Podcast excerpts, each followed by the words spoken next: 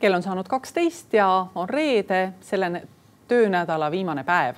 hakkab jõudma teise poolde. me räägime täna väga elutähtsast asjast, nagu seda on puhas vesi, sest kui keegi küsib, et äh, mida eluks vaja on, siis esimesena ilmselt meenub kõigile õhk ja järgmisena kohe vesi. ja selleks on meil täna stuudios äh, Vee-ettevõtete Liidu juht äh, Raili Kärmas, tere tulemast saatesse. tere. no kui suur osa Eesti elanikest kasutab ühisveevärgi vett, sest vee-ettevõtted, nagu juba nimigi ütleb, äh, siis on need, kes pakuvad meile igapäevaselt vett kraanist ja vee-ettevõtted siis pakuvad tõepoolest ühisveevärgi kaudu inimestele joogivett ja Eestis on kaheksakümmend viis protsenti inimestest ühendatud ühisveevärgiga, mis näitab, et väga suur äh, number inimestest ikkagi kasutab ühisveevärgi vett Eestis. nii et need on siis need inimesed, kes on öelnud, et äh, vabandage väga, mind väga see ei huvita, kust, kuidas see vesi minuni jõuab. palun andke mulle vett, kui ma kraani lahti keeran. no olete kuulnud ilmselt seda vanainimeste ütelust, et äh, siis, kui riik hakkab müüma poes äh, vett ja mulda, siis on midagi väga halvasti lahti. millest äh, teile see räägib, et meil ikkagi vett ja mulda poes müüakse? see räägib sellest, et valikuvabadus on nii-öelda, et kes tahab vett poest osta, see võimalus on alati olemas, aga mina ikka äh, soodustan ja, ja propageerin äh, joogivett kasutama just kraaniveest. miks? sellepärast, et ka pudeliga ostes vesi äh, kujutab endast ohte, kui seda valesti kasutada. näiteks hiljaaegu meil just olid siin uudised, kus suveperioodidel räägiti, kui inimesed jätavad näiteks joogipudeli autosse, päikese kätte, laos päikese kätte, siis ka see vesi on väga kiiresti tegelikult reostunud kraanivesi, kuidas sellega on, no näiteks eh, ma ei ole olnud eh, oma suvekorteris kolm kuud või kuus kuud, lähen nüüd kohale, keeran kraani lahti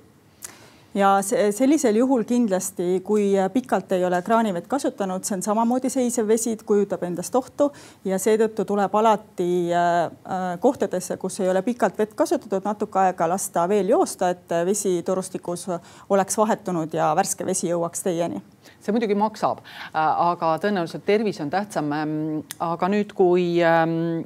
Te olete ilmselt ka kuulnud sellest, et inimesed kurdavad, et no vesi maitseb halvasti või et, äh, või et ta lõhnab kuidagi imelikult. Mm, mis selle taga tavaliselt on? Äh, kõigepealt äh, sõltub siis, millisest veest me räägime, et kui me räägime kraanist tulevast veest, siis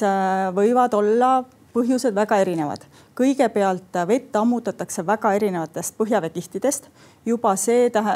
põhjustab veel erineva maitse, erineva lõhna, erineva värvuse. meil on rauarikkaid äh, veepiirkondi, vähem rauarikkaid, kuskil on mingid muud äh, ained põhjavees, mis ei tähenda põhjavee saastumist, vaid see tähendab seda, et veeettevõte peab seda ennem töötlema vastavalt, et see kraanis siis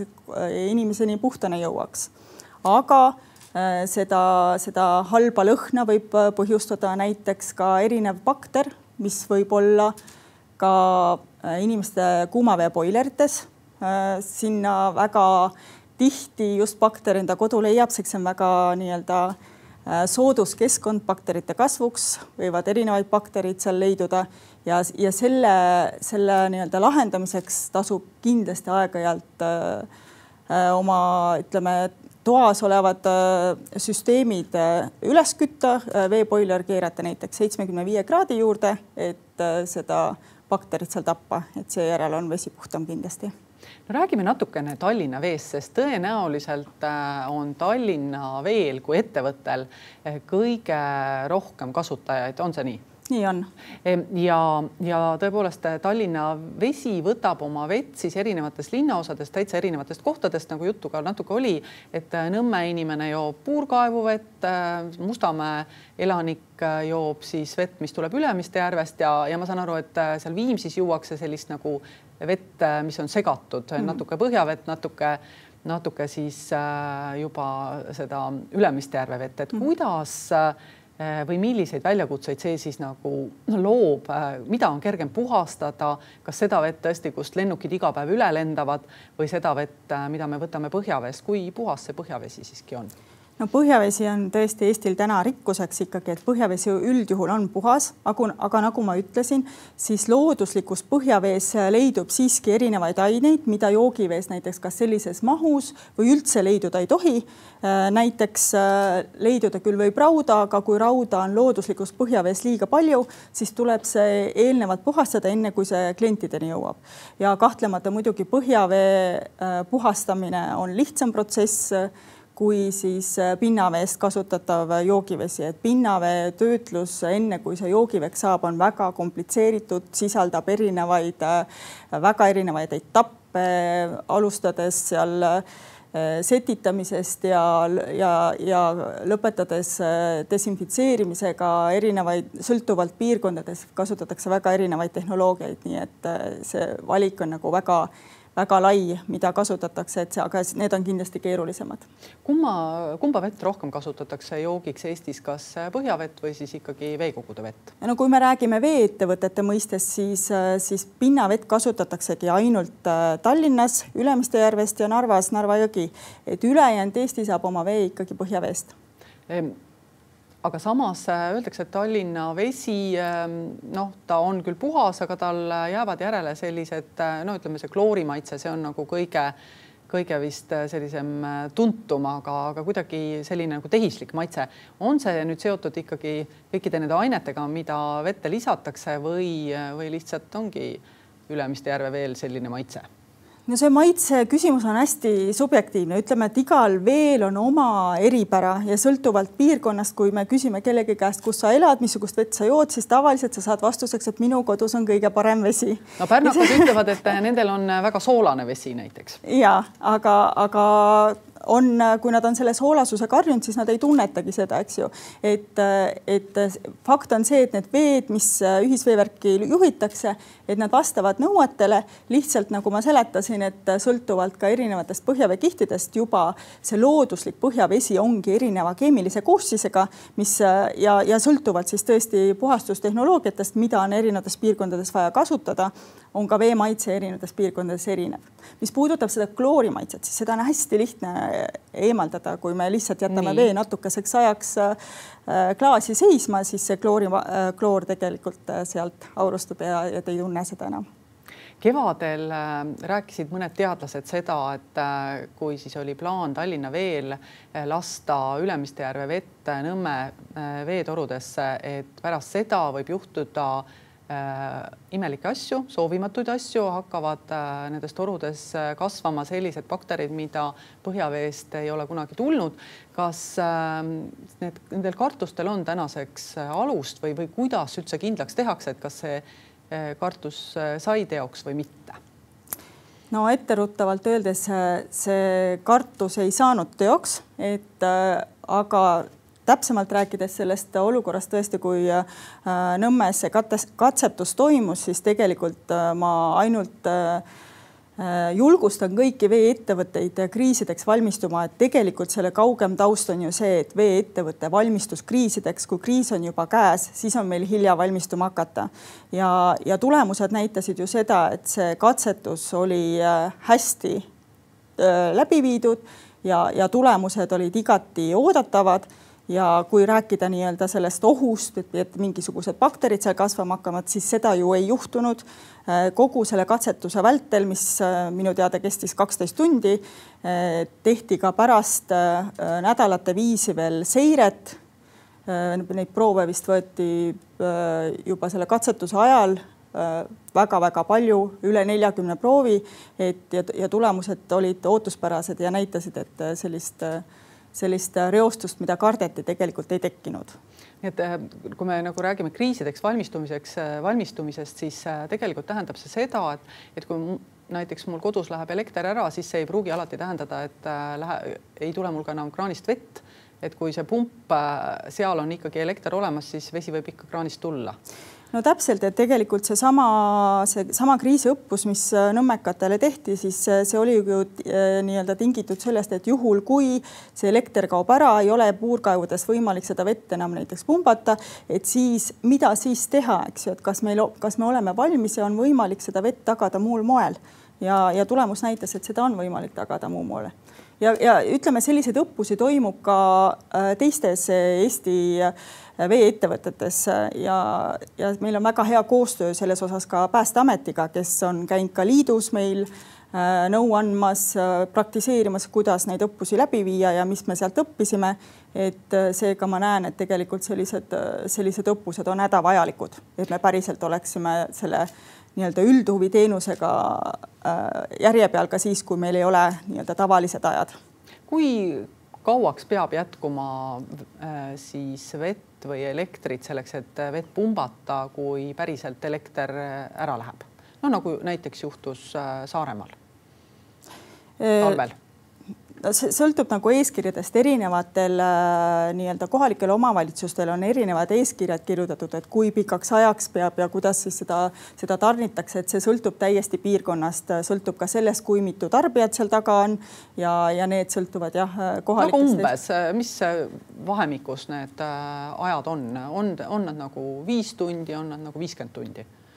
Et peab vett jätkuma? jah, vett peab jätkuma, et näiteks generaator peab töötama ja, ja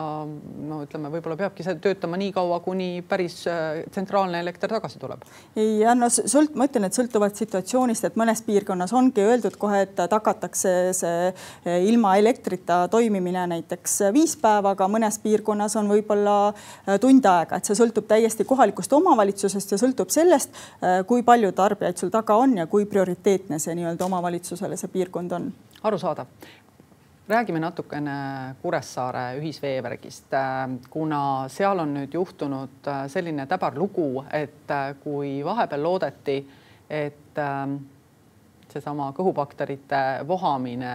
kraanivees äh, on lõppenud, siis tuli välja, et seda siiski ei ole juhtunud ja, ja mõni kuu hiljem hakkas see justkui kõik otsast peale. mis sellest loost siis tänaseks saanud on? ma saan aru, et seal oli nagu kaks täiesti erinevat äh, Äh, põhjust, miks äh, kraanivesi saastus? ja esimene selline suurem äh, reostus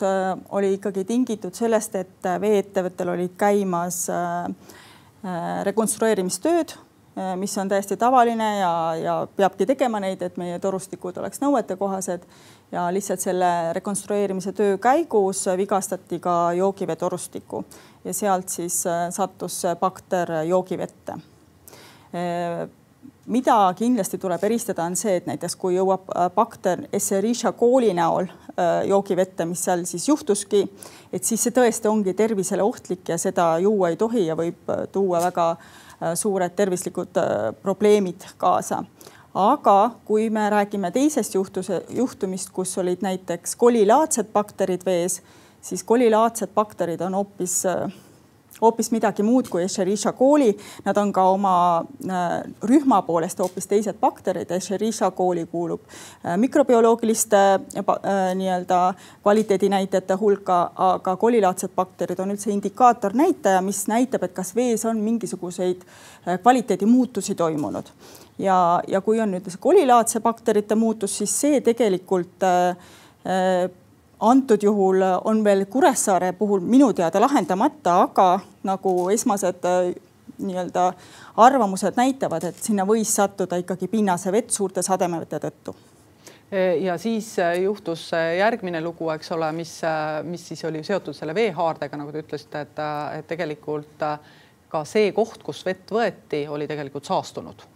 jah, aga sinna, sinna veehaardesse jõudiski see pinnase vesi äh, suurte sademevete tõttu, mis näitab, et kuskil süsteemis võis olla leke. aga nagu, nagu ma ütlen, et see me kõik on, see on teooria teooria praegu, me teoritiseerime, sest me ei tea tegelikult lõplikke lahendusi, siis minu teada äh, Saaremaa vald alles tegeleb sellega, et, et tellida uuringud ja leida siis need põhjused, et miks see, miks see ikkagi juhtus. kas ähm, seda teist juhtumit, seda, et äh, tõesti meil sajab ju vihma ja vahepeal sajab ikka päris palju mm -hmm. ja, ja üleujutusi on ka päris palju igal kevadel vähemasti ja mõnikord ka sügisel mm -hmm. ja mhm. teistel teistelgi aegadel, et, et tõepoolest veehaarded saastuvadki. mida selle puhul üldse ette võtta saab? jällegi, kui on selline saastus äh, juhtunud, siis äh, see võib olla tingitud sellest, et see veehaare näiteks on, vajab rekonstrueerimist, kuskil on mingisugused mitte veetihedad äh, kohad, kus siis süsteemi jõuab see saastus ja, ja lahenduseks on ka ikkagi ütleme, vee eelnev töötlemine, ennem kui see klientidele ühisveevärki juhitakse. mis selle juhtumi valguses ongi hästi nagu positiivne ju on see, et me näeme, kui palju tegelikult seiratakse ühisveevärgi vett. me seirame seda ju igapäevaselt ja aastas me võtame kümneid, kahekümne tuhandesi kogustes proove, seireproove ja analüüsime kogu aeg seda vett. et selles mõttes tegelikult meil on hästi hea ülevaade olemas, et millises kvaliteedis joogivesi on samas see seire käib teatud viiteajaga, kuna kui me räägime näiteks äh, mikroorganismidest, siis äh, vähemasti vanasti käis nii, et äh, kõigepealt tuli need mikroorganismid kasvatada söötme peale, alles mm -hmm. siis hakati neid uurima. kas praegu tehakse samamoodi või on ikkagi mingisuguseid uuemaid analüüsimeetodeid, et võtta kohe vesi ette ja saada sealt siis tulemus kätte, kas seal on siis neid tõvestavaid baktereid või mitte? Selliseid meetodeid kindlasti on, aga minu teada noh, täna analüüsib neid, neid proove Terviseamet ja Terviseametil ikkagi läheb see pikem aeg nende analüüsimiseks, et kakskümmend neli tundi on ikkagi jah, see aeg, kui, kui nad alles selle vastuse saavad, et selliseid kiirmeetodeid vähemalt minu teada Terviseametis Eestis ei kasutata täna. aga veeettevõtted ise ka vee-ettevõtetes minu teada ei kasutata neid äh, selliseid äh, nii-öelda kiirmetood, meetodeid, aga ma ütlen, et siin siinkohal ma võin eksida, et vee-ettevõtteid on Eestis väga palju, et, et võib-olla kuskil on midagi innovaatilist kasutusel. kui palju neid vee-ettevõtteid on? No Eestis. On, ütleme niisuguseid traditsioonilisi vee-ettevõtteid seitsekümmend viis, aga umbes sama palju on veel selliseid vee-ettevõtte tunnustele vastavaid vee-ettevõtteid nagu näiteks suvila piirkondades vee andmine, kus siis Äh, ühistu, äh, suvilaühistud seal ise otsustavad, äh, kes siis selle veeteenust, kes seda veeteenust pakub ja kuidas siis inimestele see, see jaotatakse, et tegelikult jah, see number on väga suur, aga selliseid meie mõistes traditsioonilisi veeettevõtjaid umbes seitsekümmend viis ma korra küsin nende aianduskooperatiivide, vist kutsutakse neid nii mhm. aiandusühistud, nende vee võtmise kohta, et no vanasti käis nii, et, et sa võisid küll kasta oma kartuleid ja tomateid selle veega, aga no vett juua küll ei tasunud, et kuidas praegu on teil informatsiooni, et kuidas praegu selliste veevärkide olukord on ja millist kvaliteediga vett seal pakutakse? jällegi, nagu ma ütlesin, seda, see number, palju neid vee, vee selliseid versioone on, on ka üle seitsmekümne, kaheksakümmend tükki umbes. et, et olukord on ilmselgelt erinevad, et sõltuvalt jälle sellest, missugusest puurkaevust vett saadakse, kas seda puurkaevu on hooldatud või mitte. kas, kas nii-öelda vesi vajab töötlust või mitte, et on, meil on ju ka puurkaevu, kus võidki otse vee võtta ja ta ei vaja mingisugust lisatöötlust, et, et seega on kindlasti piirkondi, kus seda vett võib juua, aga on ka piirkondi, kus seda ei või juua, aga jällegi, mis selle vastuse annab, on ikkagi see seire, et kui see piir, äh, piirkonna joogivee äh, allikas ja, ja, ja torustikus on see seire tehtud, siis me tegelikult teame seda lõplikku tulemust, kas see vesi vastab nõuetele või mitte. aga kui seda seiret tehtud ei ole, siis me kahjuks ei oska seda tegelikult hinnata. ja selle seire puhul siis on hea tegelikult meelde jätta, et me saame kuidas ma ütlen, tulemuse teada hiljem, me saame selle teada heal juhul järgmisel päeval mm, -hmm. mitte siis sellel hetkel, kui äh, siis Pro kusagil saast, saastu, saastumine on tekkinud, see tähendab ikkagi tõenäoliselt ka tulevikus seda, et inimesed satuvad enne haiglasse ja siis me hakkame uurima, mitte vastupidi, et veeettevõte annab raadiost teada, et kuulge, keerake oma kraanid kinni no see sõltub jälle ikkagi kohast, et ütleme, et see, see haiglasse sattumine tegelikult ju ei teki kohe selle ühe äh, klaasi vee joomiseks, joomise tulemusena, vaid pigem on ikkagi, see eeldab sellist suuremat kogust äh, reostust. Aga, aga jah, Saaremaa juhtumi valdu, valdu, valguses oligi tegelikult see, see saastunud vee joomine juba ju toimunud mitu-mitu päeva, et selles viivitus ja mm. probleemid võib-olla kõige kumb, suuremaks läksid. kumb siis enne välja tuli, minu meelest inimesed sattusid enne haiglasse. ja äh, Saaremaa puhul tõesti nii oli jah. nii et igal juhul äh, tasub siis ikkagi ka mõelda, et kui on äh, väga imelikud ootamatud kõhuhädad, siis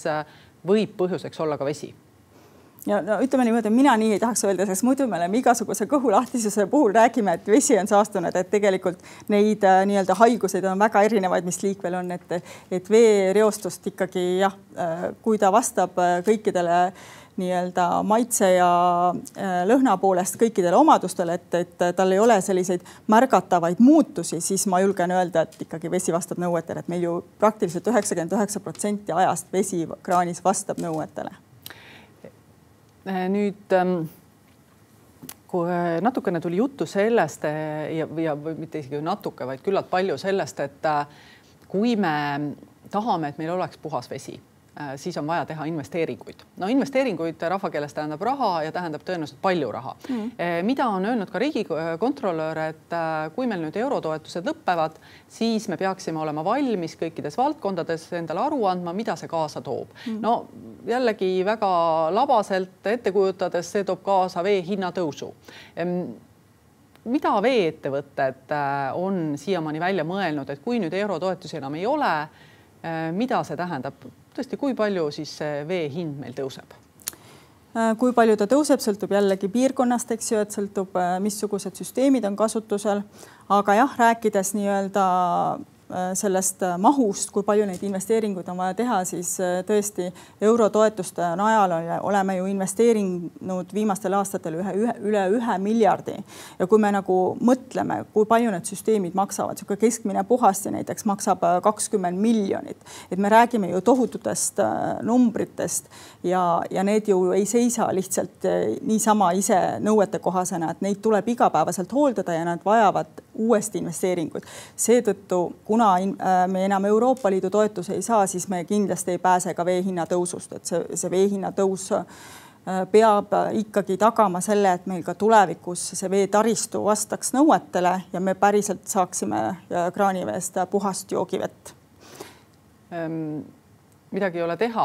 Tallinnas ilmselt äh, seda kahtekümmet miljonit on äh, lihtsam jagada tarbijate peale ära, mm. aga nüüd, kui võtta näiteks Türi, kus äh, juba täna on hind umbes kolm korda kõrgem vee hind kui näiteks Tallinnas ja seal hakata veel kahtekümmet miljonit eurot investeerima, siis mis, mida teeb siis näiteks seesama Türi vee hind?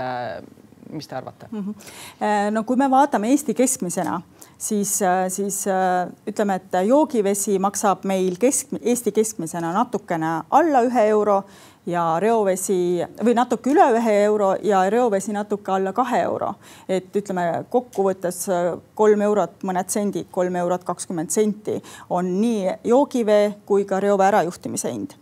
et kui me arvestame sellega, et keskmine inimene tarbib Eestis umbes üheksakümmend liitrit vett ööpäevas ütleme lihtsustuse huvides ütleme, et tarbib natuke rohkem, sada liitrit, siis kolmkümmend kaks senti ta maksab päevas ja kuus siis äh, see teeb, eks ju, äh, alla kümne eurot, kui me korrutame siis selle kolmekümne päevaga, et äh, tegelikult alla kümne euro maksta kuus vee eest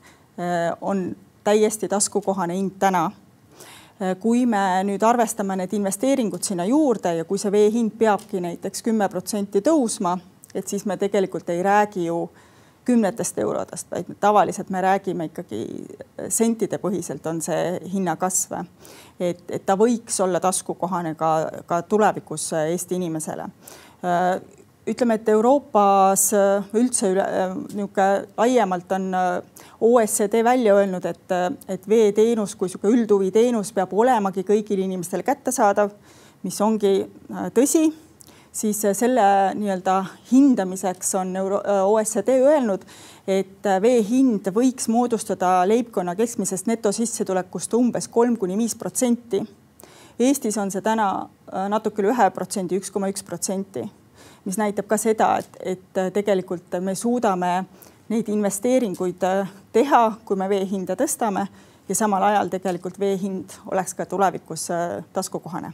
No praegu võib jääda mulje, et ähm, justkui äh, ettevõtja, kes tahab lisaks ka kasumit teenida, saab äh, panna hinnale juurde, mida ta iganes tahab, aga päris nii see vist ei ole, et äh, mõtlen välja, mis hinda ma tahan ja millise autoga ma sõita tahan ettevõtjana, palju ma kasumit pean teenima, et hind on siiski kontrolli all. ja vee, veesektor on üks väheseid sektoreid, kes on nii äh, reguleeritud äh, riiklikul tasandil, et veeettevõtja ei saa ise määrata mingisugust hinda, vee hinna määrab Konkurentsiamet ja Konkurentsiamet siis kontrollib ära, missugused on mõistlikud kulud, mis veeettevõte võib sellises piirkonnas sellise teenuse jaoks kulutada ja selle kulu alusel äh, leitakse siis see õiglane veeteenuse hind. nii et äh, kõik kulud on kontrolli all ja noh, samamoodi Konkurentsiamet peab ka hindama tegelikult oma hinnamenetluse käigus ka seda, et selle vee hinna eest oleks võimalik teha tulevikus ka vajalikud investeeringud, et, et see selline vee-ettevõtete jätkusuutlikkus on ju kõigi meie üldine huvi, et meie torustikus kogu aeg jookseks kvaliteetne joogivesi ja selle jaoks need investeeringud peavad olema ka tehtud. Eh, no ma kuulsin eh, sõna mõistlik. Eh, kummale poole praegu siis Konkurentsiamet rohkem kaldu on, kas natuke nagu ettevõtja poole, et teeme rohkem investeeringuid või tarbija poole? tore, kui nad maksavad täna vähem, homme saagu, mis saab mina julgen täna vee-ettevõtete poolt öelda, et ta on ikkagi täna tarbija poole kaldu, et meil on hind madalam, kui ta peaks olema ja ma võin ka ühe näite tuua, et ütleme, kui seaduse kohaselt peabki Konkurentsiamet tagama, et vee hind oleks nii-öelda äh, Äh, õiglane, tagama kõik vajalikud investeeringud, siis äh, metoodika kohaselt, kuidas Konkurentsiamet seda hinda vaatab, eks ju, neid investeeringuid ei vaadata väga pika perspektiiviga. aga nagu ma ennist ütlesin, et mõni investeering võib olla näiteks kakskümmend miljonit, et see summa on nii suur mis ja kui Konkurentsiamet äh, nii-öelda ei vaata pikas perspektiivis, missuguseid investeeringuid on vaja teha, vaid lühiajaliselt, siis see võib tähendada lühiajaliselt ka hästi suurt hinnakasvu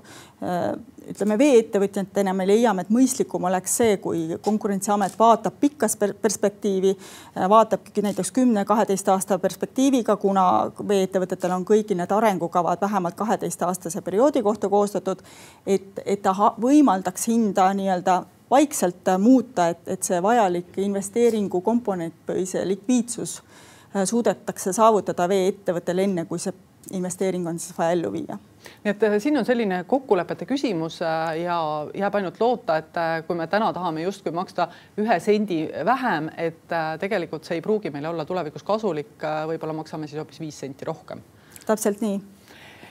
nüüd ähm, Äh, lisaks sellele, et, et vee-ettevõtjad äh, näevad äh, vaeva ja ega ka kontrolörid näevad vaeva, et vesi oleks puhas. mida inimesed saavad teha, sest no ma võin siin tuua mõned näited minevikust, et, et ähm, peldikupotist visatakse, vabandage väga, alla igasugu jama eks, et, ähm, et noh, ma olen isegi näinud, kuidas taldrikut on püüdnud äh, alla visata, ma usun, see võib-olla väga vee kvaliteeti küll ei mõjuta, aga ilmselt äh, kui me viskame sealt alla, ma ei tea, rasva, ravimeid, äh, võib-olla hügieenisidemeid, siis on asi teine jah, taldriku alla viskamisel ma olen suht kindel, et see võis tekitada väga suure ummistuse inimesele endale ehk inimene iseendale tekitab väga suure probleemi aga tõepoolest, et igal juhul ja igal ajal kutsume inimesi üles kasutama ikkagi tualette selleks ette nähtud äh, otstarbel, et igasuguste jäätmete, ravimite äh, viskamine WC-potti tegelikult ju tähendab seda, et, et ta ei kao kuhugi. Äh, läbi torustiku ta jõuab reoveepuhastisse. Meie reoveepuhastid töötavad ka nii-öelda bakterite põhiselt Äh, kes äh, nii-öelda söövad seda orgaanikat sealt veest, aga mitte selliseid väga ohtlikke kemikaale. Äh, halvemal juhul tapavad ka need head bakterid sealt reoveepuhastist ära ja reoveepuhastuse protsess võib üldse haavata või rivist välja minna ja, ja võib ka juhtuda siis seda, et, et tõesti need need kemikaalid, ravimijäägid jõuavad meie veekogudesse, sellepärast et pärast reoveepuhastuse etappi see heitvesi juhitakse veekogudesse, nii et, et oluline on tõesti jälgida, et mida me sinna reove äh, äh WC-potist alla lükkame, sellepärast et see lõpu, lõppkokkuvõttes jõuab ikkagi meie keskkonda ja mitte ainult, äh, kui me mõtleme nüüd nagu laiemalt veel tööstuste peale, siis äh, nema, nende tootmisjäägid võivad olla kordades mürgisemad nendele bakteritele, kes seal äh, reoveefiltrites äh, siis parajasti seda reovett ootavad, et, et mida sellel puhul ette võetakse, et äh, tõepoolest meie teiega siin saaksime ikkagi puhast vett juua? Ja ka tööstustel tõepoolest kõige lihtsam viis, kuidas keskkonda säästa, on tootmisprotsessis võimalusel asendada need ohtlikud kemikaalid looduslähedaste ainetega. kõige lihtsam viis äh, nii-öelda keskkonna säästmiseks on kasutada ikkagi looduslähedasi aineid ja ka kodumajapidamises, et kui me kasutame erinevaid kemikaale, siis eelistada ikkagi looduslähedasi äh, kemikaale, mis äh, meie keskkonnale ohtu ei põhjusta aga tulles tööstuste juurde tagasi, siis jah, kui tööstuse reovesi on väga reostunud, siis, siis see on ilmselgelt äh, probleemiks ka äh, reoveepuhastitele, et, et sellise koormusega hakkama saada. Sõltuvalt muidugi, muidugi reoveepuhastist, kas suudetakse selle reoveega hakkama saada või või vajab nii-öelda reopuhasti mingisugust laiendust, et see juba jälle väga-väga kohapõhine lahendus on selles osas aga mida tööstused, kas neil on ka mingeid kohustusi või lasevad lihtsalt selle vee, mis neil tuleb, lasevad aga nagu torudesse ja, ja nendega on siis lõpp? ikka tööstusel on ka omad kohustused, et jällegi need piirnormid on kohaliku omavalitsuse eeskirjaga paika pandud, missugust reovett tohib üldse ühiskontsessiooni juhtida. seadus on küll ette nähtud selline nagu vahemik, et mida reostatum su vesi on, seda rohkem sa maksad ehk saaste maksab põhimõte. aga jällegi ma tulen selle juurde, et mida kiiremini me selle reostuse eemaldame selle tekkekohas, seda odavam tegelikult see meile kõigil on. et igal juhul võimalusel tegeleda selle reostusega juba juba selle allika juures, et mitte ühiskonstitutsiooni neid ohtlikke aineid juhtida. ehk et kellelgi on siiski voli öelda tehasele, et tead, sa pead oma puhasti panema, et, et nii enam ei lähe edasi. ja kui, kui ikkagi tööstusreovesi ei vasta nende omavalitsuse poolt kehtestatud piirnormidele, siis ei olegi muud teha, kui kas tööstus peab tegema omale eelpuhasti või kui ka sellest ei piisa, siis ei ole välistatud ka see, et tööstusel on vaja rajada eraldi tööstusreovee puhasti. mida teha selle olukorraga, et meil on järjest pikemad põuaperioodid suvel, äh, ka kevadel. Äh, inimesed tahavad kasta joogiveega oma muruplatse. kas äh, selle vastu ka on mingit head rohtu, et, et läbi selle kusagil piirkonnas ei saa me lõpuks teada, et kuulge, et praegu näiteks kella viiest kuueni saab ainult duši alla minna ja möödunud suvi ju väga ilmekalt näitas meile, et kui olid suured põuaperioodid, siis, äh, siis osaliselt ikkagi seda joogivett, ma julgeks öelda, kuritarvitati, kasutati ikkagi suurte muruplatside kastmiseks. mida ma selle all silmas pean, on, noh, toon näite, et, et kui, kui ikkagi äh, inimene tarbib ühe päevaga põuaperioodi ajal sama koguse vett, mis äh, tavaliselt, tavaliselt inimene tarbib kuu aja jooksul, siis see näitab ilmselgelt, et see vesi jookseb tal kakskümmend neli seitse ja see ei ole lihtsalt mõistlik äh, veeressursi kasutus. ja, ja, ja meie oleme ikka omalt poolt juhtinud tähelepanu, et võimalusel tegeleda juba sellega siis, kui meil on palju vett, eks. Põuaperioodid asenduvad meil ka kogu aeg ka nende vihmaperioodidega. Ja siis meil on tihti vastupidi probleem, et meil on liiga palju vett. Ja kui nüüd selle vihmaperioodi ajal seda vett mõistlikult kokku koguda, siis on võimalik seda nii hästi taaskasutada Äh, põuaperioodide ajal. meil on hästi toredaid näiteid äh, siitsamast Põhjamaade naaberriikidest, kus äh, juba kohalikud omavalitsused planeeringutega kavandavad need nii-öelda sademevee kogumise tiigid, mis on nii-öelda ka lihtsalt ilus vaadata, aga neid saab edukalt kasutada ka niisutuseks siis, kui meil vett on vähe kas Eestis ka midagi taolist juba ette võetakse või ikkagi praegu püütakse öelda, et ärme praegu muru niida ja, ja siis on, saame natuke kauem hakkama? ei, ikka tehakse, erinevates piirkondades on Viimsis selliseid näiteid, on Tartus selliseid näiteid, et äh, vaikselt ikka tehakse, aga alati tuleb seda meelde tuletada, et kui, kui kohalikud omavalitsustel on planeeringud laua peal, et, et kindlasti selle sademevee poole peale ka mõelda kas äh, hinnaga annab ka midagi ette võtta, et äh, tõepoolest, kui inimene ikkagi kasutabki, nagu te ütlesite, kuue normi äh, ühe päevaga ja nii näiteks kolmkümmend päeva järjest, et, et võib-olla on tema hind mingist tasemest nagu natuke teistsugune vee hinna mõistes? tõepoolest, meil täna selline praktika puudub, kus meil sellises olukorras oleks nii-öelda niisugune täiendav hind, kuid uus ühisveevärgi organisatsiooni seadus, mis sellel suvel jõustus, võimaldab nii-öelda eraldi maksustada ka liigtarbimist. sellist praktikat meil veel ei ole, et keegi vee-ettevõtetest oleks seda rakendanud, aga see pigem suunab siis inimesi tõesti selle peale mõtlema, et mitte veega äh, lihtsalt äh, niimoodi laristades ringi käia, vaid ikkagi teadlikult kasutada ja me ei, me ei räägi lihtsalt sellest, et, et kui kellelgi on mingisugune äh, üksik äh, kuskil kapsapeenar, et ta tahab seda veega niisutada, et siis see on täiesti arusaadav, aga, aga tõesti, me räägime sellisest väga äärmuslikest veetarbimistest, mis võivad põhjustada tegelikult teistele tarbijatele ka häireid. nii et mõtlemisainet on mm, -hmm. aga lõpetuseks, kas Eesti joogiveevarud on piisavad, et ka kümne aasta pärast me tegelikult saaksime puhast vett kraanist nautida? joogiveevarud on piisavad ja me oleme tegelikult selles osas väga rikas riik, nii et hoiame seda. suur aitäh saatesse tulemast, Raili Kärmas ja soovin teile edu. aitäh, kena päeva aitäh ka kõigile kuulajatele-vaatajatele, kena nädalavahetust ja uudiseid saab lugeda ikka Postimehe veebilehelt, kõike head.